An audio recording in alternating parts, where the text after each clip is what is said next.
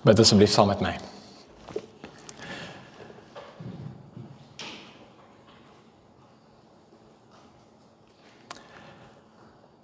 Here God,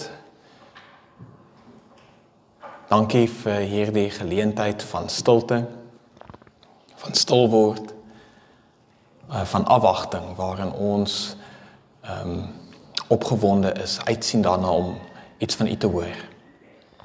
Seën asseblief dit wat ons vandag uh, met mekaar gaan deel en ehm um, as dit waar is, laat dit ook vrug dra in ons lewens. Amen. So ek het ehm um, in hierdie afgelope week so 'n bietjie adverteer dat ons gaan begin met 'n nuwe preekreeks oor die volgende ehm um, vandag en en en 6 weke verder. Is 'n 7 weke reeks. En ehm um, en dit gaan oor waarom 'n mens glo. Waarom glo ek?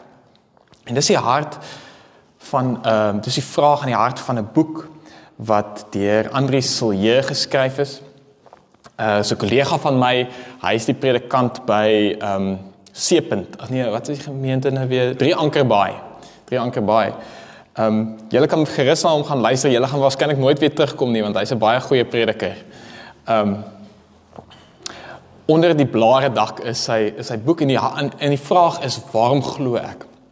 Ek gaan nou 'n bietjie meer daaroor sê, maar en dis met hierdie boek waarmee ons op reis gaan gaan in die volgende paar weke. En daarom lees ons vanoggend ehm um, dele uit Hebreërs 11. Want Hebreërs 11 ehm um, is waar ons daai baie bekende definisie van geloof uh van geloof ook vind. So ek gaan nou mense eintlik die hele Hebreërs 11 tot 12 vers 3 wil lees, maar dit dit is baie lank. So ek gaan eerder net 'n korter gedeeltes vir julle voorlees om vir ons 'n um, soort van die die kernboodskap daarvan uh, oor te dra.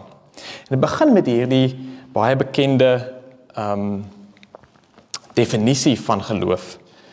Geloof is sekerheid van die dinge wat gehoop word. 'n Bewys van dinge wat nie gesien word nie. En ehm um, ek wil miskien ook net daar stop en 'n 'n vertaling van hierdie ehm um, sinnetjie lees van uh, Tom Wright. What then is faith? It is what gives assurance to our hopes. It is what gives us conviction about things we can't see. Of in Afrikaans, wat is geloof dan? Dit is wat sekerheid verleen aan die dinge wat ons hoop. Dit is wat ons oortuig van die dinge wat ons nie kan sien nie. En dan vers 2 verder, dit is immers vanweë hulle geloof dat daar met lof aangaande die mense van ouds getuig is. Deur geloof verstaan ons dat die wêreld deur die woord van God geskep is. Gevolglik het dit wat gesien word nie uit die sigbare ontstaan nie. En dan gee die skrywer van Hebreërs vir ons 'n hele klomp voorbeelde van van hierdie mense van die ou tyd wat ehm um, getuies van hierdie geloof is. Ehm um, daar is Abel en en Noag en so kan 'n mens aangaan en ek het nou maar net 'n greep hierso uit uit Abraham en en Sara se storie ge ehm um, geleen vers 8 tot 10 Deur geloof was Abraham gehoorsaam toe hy geroep is om uit te trek na 'n plek wat hy as erflating sou ontvang. En hy het weggetrek sonder om te weet waarheen hy gaan sonder om te weet waarheen hy gaan. Deur geloof het hy as bywoner in die land van die belofte gaan bly, soos in 'n vreemde land. En hy het in tente gewoon saam met Isak en Jakob, die mede-erfgename van dieselfde belofte. Want hy het die stad verwag wat fondamente het, waarvan God die argitek en boumeester is. En dan 11 vers 13 kyk terug na al hierdie stories en sê al hierdie mense het in geloof gesterf sonder om die beloftes te ontvang maar hulle het dit van ver af gesien en verwelkom en bely dat hulle vreemdelinge en bywoners op die aarde is. En al hierdie geloofsgetuies sê die Hebreërs skrywer dan wys eintlik heen na Christus die leidsman en volëinder van ons geloof. Met ander woorde, ons kyk nie net terug nie, maar daar is een wat van in die toekoms na ons toe kom wat ons aanmoedig en op wie ons ons oë gerig moet hou. En dit sê hy dan in in hoofstuk 12 vers 1 tot 3 die slot van daai hele gedeelte. Daarom terwyl ons ook so 'n groot wolk getuies rondom ons het, laat ons van elke las ontslaa raak van die sonde wat ons so maklik omring en die wedloop wat vir ons voorlê met volharding hardloop. Die oog gerig op Jesus, die leidsman en volëinder van die geloof. Hy wat ter wille van die vreugde wat vir hom in die vooruitsig gestel is, die kruis verduur het. Die skande daarvan gerig geag het, gering geag het en sy plek aan die regterhand van die troon van God ingeneem het. Dink inderdaad aan hom wat so 'n vyhandigheid van die kant van sondaars teen hom verduur het sodat julle nie geestelik moeg raak en uitsak nie.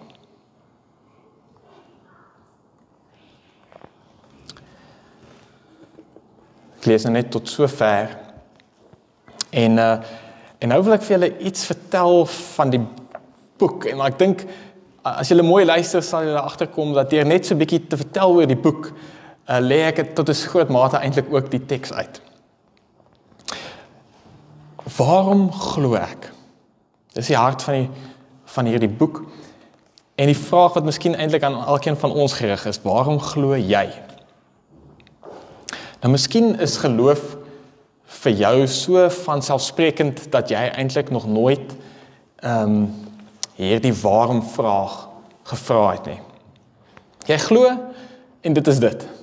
En ek dink ek moet bieg dis waarskynlik ook so dat ons lewens so besig en gejaagd is dat ons baie keer nie tyd het om regtig hierdie uh vraag te vra nie. Ehm um, ons moet uh, ons moet geloof, ons moet glo on the go, nê? Nee? Ons het nie baie keer tyd om regtig terug te gaan en te vra maar waarom glo ek nie. Maar tog gebeur dit dat 'n mens soms sekere oomblikke gebeurtenisse, ervarings, gesprekke het wat wel die vraag na jou toe bring. Dalk is jy ver oggend hier maar jy glo eintlik nie meer nie. Of dalk glo jy net nie soos jy altyd geglo het nie. Maar iets bring jou nog hier. Nuuskierigheid, die orgelmusiek of miskien 'n soeke na iets meer. 'n Gevoel dat daar tog iets is om na te soek. Of dalk is jy bietjie meer soos ek. Ek glo, maar ek het baie vrae en onsekerhede.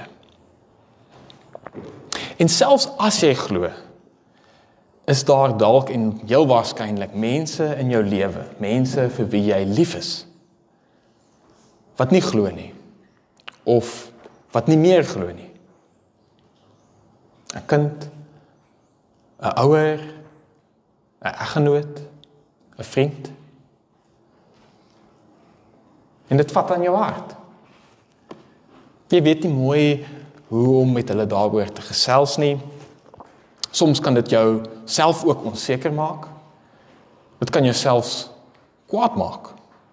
En dan s'ie vraag miskien waar kom daardie woede of daardie kwaad vandaan? Maar een ding is seker. Ek dink die dae waarin geloof min of meer van selfsprekend was en jy kon aanvaar dat jou familie en jou vriende min of meer glo soos jy daardie dae is verby. So as jy dan glo, sal jy met leer saamleef met mense vir wie jy lief is wat nie meer jou geloof deel nie. Of as jy nie glo nie, sal jy moet verlief neem dat sommige mense, sommige van jou vriende en familie wel nog glo. En daarom sê Andri Silje is dit die moeite werd om iewers te gaan sit en te gesels oor waarom 'n mens glo. Want die kwaliteit van ons verhoudings van ons menswees en ja selfs van ons geloof hang eintlik daarvan af dat ons dit 'n bietjie beter verstaan. So voordat ek die titel van die boek meer daaroor sê, uh, wil ek begin by die subtitel van die boek. Verwonderd oor die gawe om te kan glo. En uh, ek mens kan eintlik baie lank net hier oor gesels, net oor hierdie oor hierdie subtitel. Ek dink Andrius wil daardeur vir ons sê dat hy nie 'n ekspert of 'n geloofsheld is wat vir ons wil leer hoe om te glo nie. Hy is nie 'n meester apologeet wat al ons onsekerhede vir ons uit die weg gaan ruim of vir ons 'n uh, knockout punch argumente gaan gee waarmee ons uh, ons ongelowige vriende mee kan oortuig nie. Dis nie die doel van die boek nie.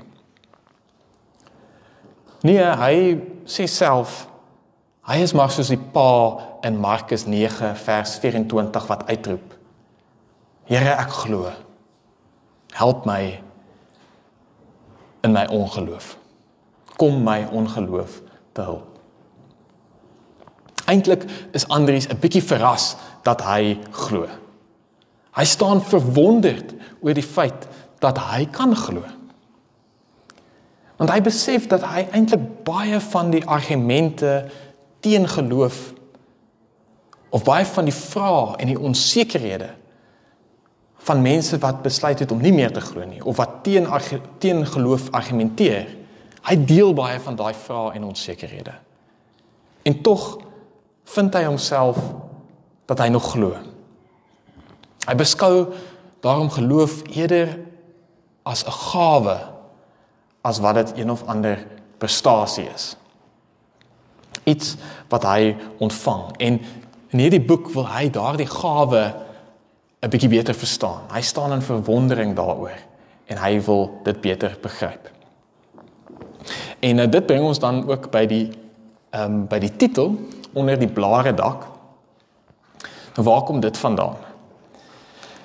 Nou aan die begin van die boek ehm um, nooi Andries jou uit om saam met hom te wonder oor die gawe om te kan glo. En ehm um, en dan soek hy nou 'n plek waar mens so 'n gesprek kan kan voer en hy nooi jou in jou ehm um, geestesoog uit om 'n boom te gaan soek. Of miskien wil jy selfs uh, na 'n regte boom toe gaan en onder 'n boom gaan gaan sit as jy hieroor dink. En dan sê hy geloof sy geloof is soos hierdie boom.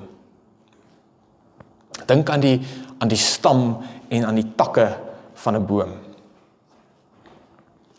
die sigbare struktuur van die boom wat ons kan sien. Soos 'n boom het geloof ook 'n sigbare en uiterlike struktuur.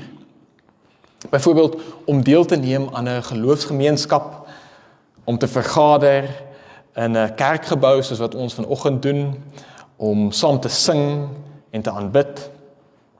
Daar is Bybelstudie en prediking. Daar is gebed Daar is geloofsrituele gewoontes. Elke geloofslewe het so 'n uiterlike struktuur. En soos bome kan hierdie strukture van mekaar verskil. Bome kan ons baie verskillend lyk. En so is daar verskillende geloofsstrukture, gewoontes, rituele. Maar die vraag is, is daar lewe in daardie strukture. Mense kry bome wat nog 'n stewige stam en selfs takke nog het, maar waarin die sap nie meer loop nie. Waarin daar nie meer lewe is nie. So die vraag is of die uiterlike godsdienstige praktyke en gewoontes wat ons ons mee besig hou nog lewend en lewegewend is. En of dit nie dalk al droog en verstok geraak het nie. Dalk selfs lewensontkenend. Ek seker van ons weet van godsdienstige praktyke wat eintlik die lewe van sy vreugde en sy goedheid roof. Nou so as ons dan nou regtig geloof wil verstaan, dan kan ons nie net fokus op hierdie uiterlike strukture nie. Want soos 'n boom is geloof meer as die stam en die takke. Daar moet ook lewe wees. Blare en vrugte. Sade. En diverse inwoners moet daar kan kom 'n lewe maak. Insekte, spinnekoppe, voëls, eekorings.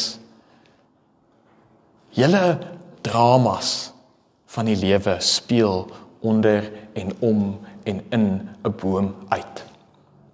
En dit herinner ons dat geloof alles te maak het met die lewe self. Met verhoudings en gemeenskappe met ekosisteme wat veel groter is as 'n persoon se godsdienstige lewe op sy eie. En daar is ook verskillende seisoene van van van geloof. Soos 'n boom uh, wat kaal is in die winter en weer nuwe lewe spruit in die lente.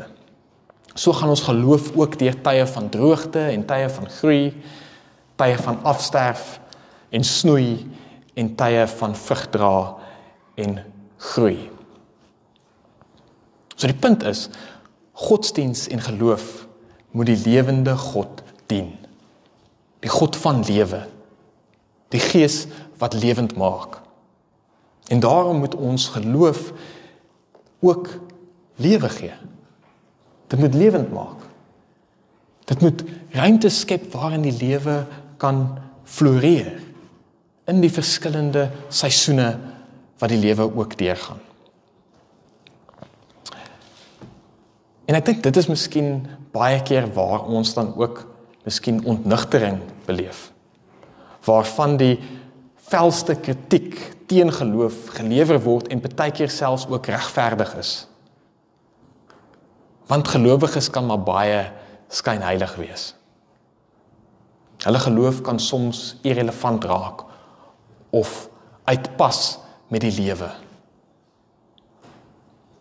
Die vrugte van godsdiens kan baie keer smakeloos wees. Nog erger dit kan giftig raak toksies, sleg vir die spysvertering. So watter vrugte dra ons geloof? En hoe hou dit verband met die lewe? En watter uitwerking het dit op ons verhoudings en ons samelewing en die ekologie?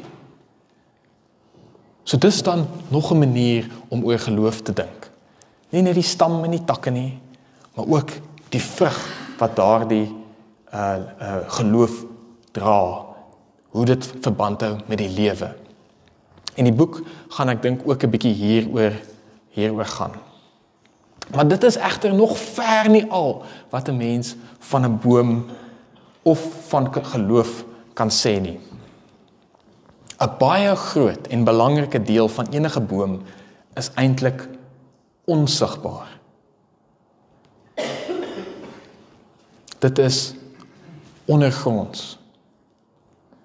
Net omdat ons dit nie kan sien nie, is ons meeste van die keer heeltemal onbewus daarvan. En onderskat ons eintlik die waarde en die grootheid van 'n boom se wortelstelsel. Baie bome se wortelstelsels is selfs veel groter as die deel wat bo die grond is. Die deel wat ons kan sien. 'n Komplekse netwerk wat in simbiose leef met ander organismes en ook met ander bome in in 'n woud. Ek het onlangs 'n uh, baie interessante boek gelees hieroor dat ek gaan nou eerder myself hierso stop want ek kan heeldag net daaroor praat oor die wortelstelsel van 'n van 'n boom.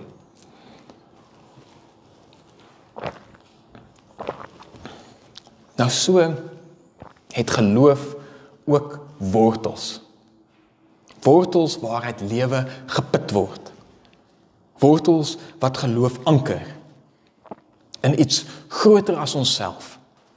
Wortels wat ons geloof verbind aan 'n hele skare, 'n wolk geloofsgetuies soos wat ons in Hebreërs van leef. Wortels wat deur daardie geloofsgetuies ons ook verbind aan Christus en aan God. En eintlik moet ons vir mekaar sê as daai wortels nie daar is nie, dan weet ons wat gebeur met 'n boom. En dit sê Andries is waaroor sy boek eintlik gaan. En dit is waarop ons in hierdie preekreeks dan gaan fokus. Om te vra waarom glo ek is eintlik om te vra na die wortels van my geloof. Die bron van my geloof.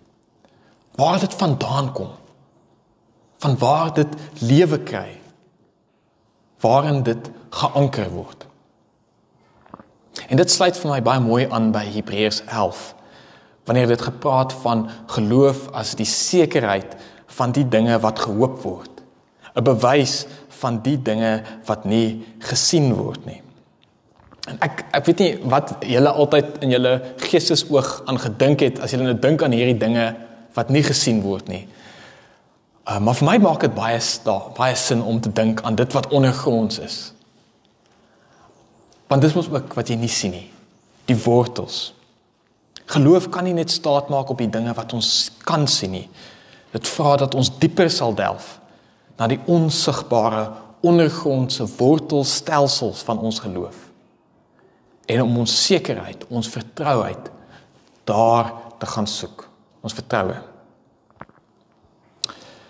So dan is dan die vraag, wat is die wortels van jou geloof?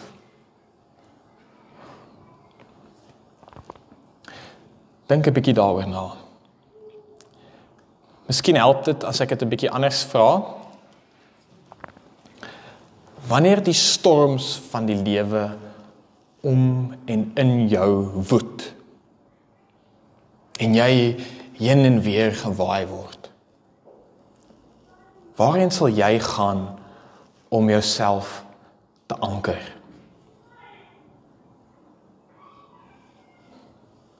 Of as jy deur 'n seisoen van droogte gaan waarin jou geloofslewe dood en dor voel Waar sal jy gaan om weer lewe te vind vir jou geloof? Waar lê die diepste wortels van jou geloof? Wat jou anker? Waar het jy kan lewe put?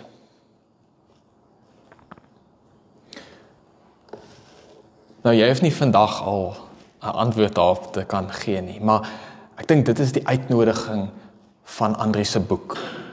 In sy boek gaan hy op soek na die wortels van sy geloof. En miskien is van die goed wat hy noem vir jou minder belangrik en sou jy eerder iets anders wou bysit. Maar ek dink deur sy uitnodiging te aanvaar en saam te dink en saam met hom op reis te gaan met dit wat hy gevind het, sy wortels is, mag dit dalk ons ook help om weer um in touch te kom met dit waar waar ons geanker kan word. Of miskien uh, aanvaar jy wat hy sê en help dit jou om jou wortels 'n bietjie dieper in daardie rigting te stoot. Nou hy noem ses sulke wortels. Ses redes waarom hy glo.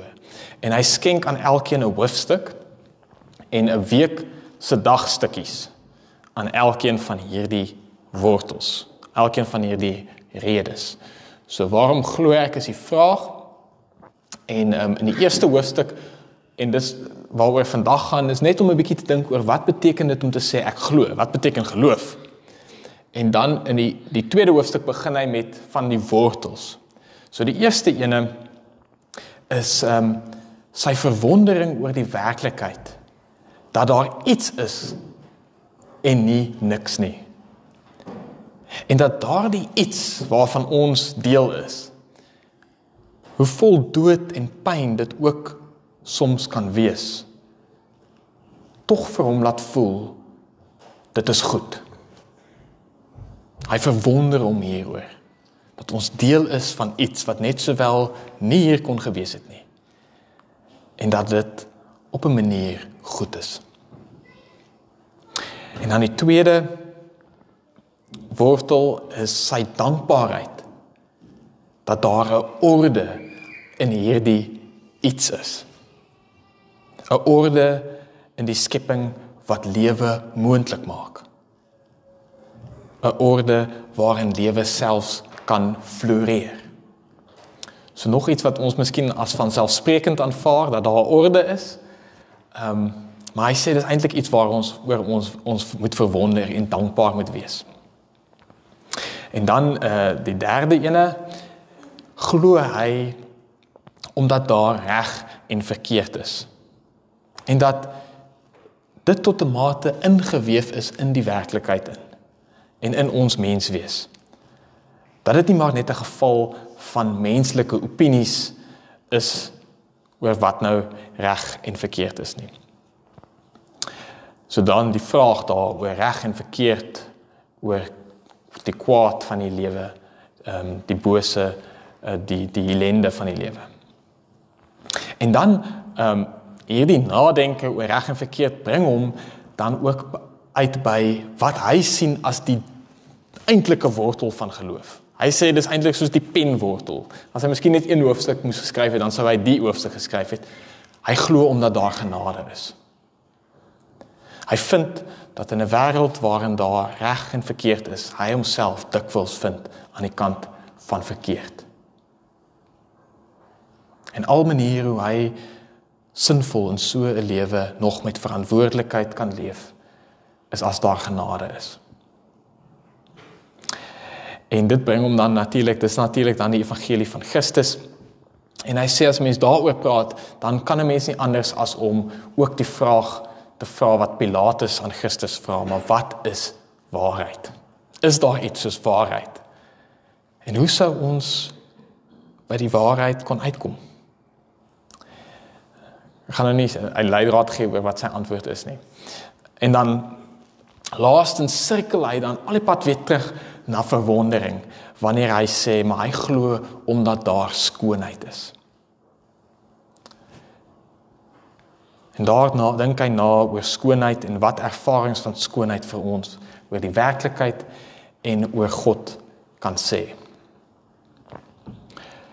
So in die komende 6 weke gaan ons Andrius se uitnodiging uh, aanvaar en stil staan by elkeen van hierdie wortels van geloof. En nou soos ek gesê het, ehm um, in die eerste hoofstuk, voordat hy by hierdie wortels uitkom, uh staan hy vir rukkie stil by geloof self. Want ons moet eers duidelikheid kry oor wat bedoel ons as ons sê geloof. Ehm um, hy verwys na ehm um, Alice in Wonderland is daar mos die koningin wat sê ehm um, jy weet vir alles op 'n stadium ek kan nou nie die die woorde presies onthou nie. Ek weet dat sy ehm um, sy moenie sy moet eintlik half half verbeelding kan gebruik en uh, uh, sy moenie net so 'n klein idee van die van wat moontlik is hê nie. Sy moet ook onmoontlike dinge kan uitdink. En dan dan dan sê sy maar kan nie. Hoe kan 'n mens die onmoontlike in die onmoontlike glo? En dan sê ehm um, die koningin maar jy moet net oefen jy weet oefen net harder. Elke oggend dink ek baie keer al aan vyf onmoontlike dinge nog voor ontbyt. Jy weet se so, geloof is amper hierdie 'n uh, 'n uh, daad krag daad wat ons moet probeer doen. En gelowiges is eintlik mense wat in die onmoontlike glo in in in in feetjies en so aan. Ehm um, en dan bevraagteken hy dit om te sê maar eintlik is geloof um iets heel anders as dit. Geloof is eerder hoe 'n mens in verhouding met God, met iemand groei. En dit het te maak met kennis, met vertroue en met 'n soeke.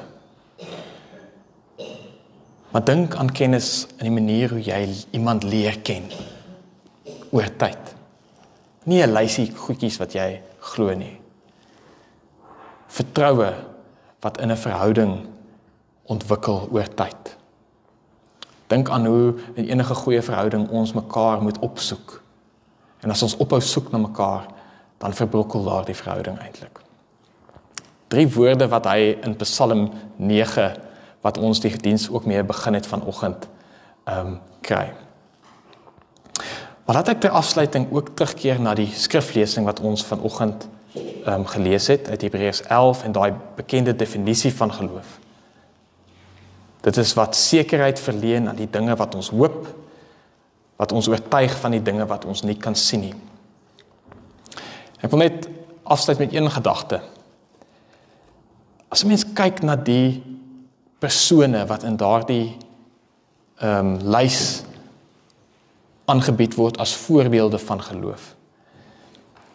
Dan is een ding wat duidelik is, is dat die sekerheid waarmee hulle leef nie die tipe sekerheid is wat ons miskien altyd dink nie, want as 'n mens mooi kyk na hulle lewens, wat hulle doen is hulle neem eintlik afskeid van sekere sekerhede. Dink aan Abraham en Sa en Sara wat hulle die land van hulle geboorte, die land van hulle mense eintlik agterlaat. En op reis gaan en dan sê dit ook na 'n plek wat hulle nie geweet het waar dit is nie. So daar's 'n hele klomp onsekerheid. So gelowiges is nie mense wat alles weet nie. Wat beter weet as ander mense nie. Inteendeel, gelowiges weet, weet beter dat hulle nie weet nie. Dat daar 'n klomp onsekerhede in die lewe is. Maar die een ding waarvan ons seker is, is God. En dit is eintlik wat 'n mens dan die moed gee om die onsekerhede van die lewe met moed, met hoop en met liefde aan te durf. So geloof is uiteindelik om 'n soeker te wees. Iemand wat op reis gaan, 'n pelgrim Iemand wat met moed die onsekerhede van die lewe aandurf. En as 'n mens dan nou mooi kyk na al daardie wortels wat Andries vir ons aandui, die wortels van geloof, sal jy sien dat hulle almal eintlik vrae is. Groot vrae van die lewe, vrae wat ook ongelowiges vra. Wat is my waarvandaan? Waarheen is ek op pad? Wat is reg en verkeerd? En hoe lewe ek 'n goeie lewe? Wat maak ek met die kwaad wat daar in die lewe is? Met die ellende? Is daar iets soos waarheid waarop ek kan staatmaak? Wat sê die ervaring van skoonheid vir my oor die werklikheid? En so kan ons aangaan. So my uitnodiging is dat ons soos kinders sal glo. Met ander woorde, met baie vrae met 'n lewendige verbeeldingswêreld met 'n lus vir avontuur en 'n bereidheid om te leer en om te groei. So dit vanoggend se preek is eintlik net 'n aan 'n uitnodiging om saam met met mekaar op reis te gaan op hierdie manier en om om te weet dat deur hierdie vrae ernstig op te neem gaan ons die antwoord op daardie vraag Jesus beter verstaan. So. Enige vrae?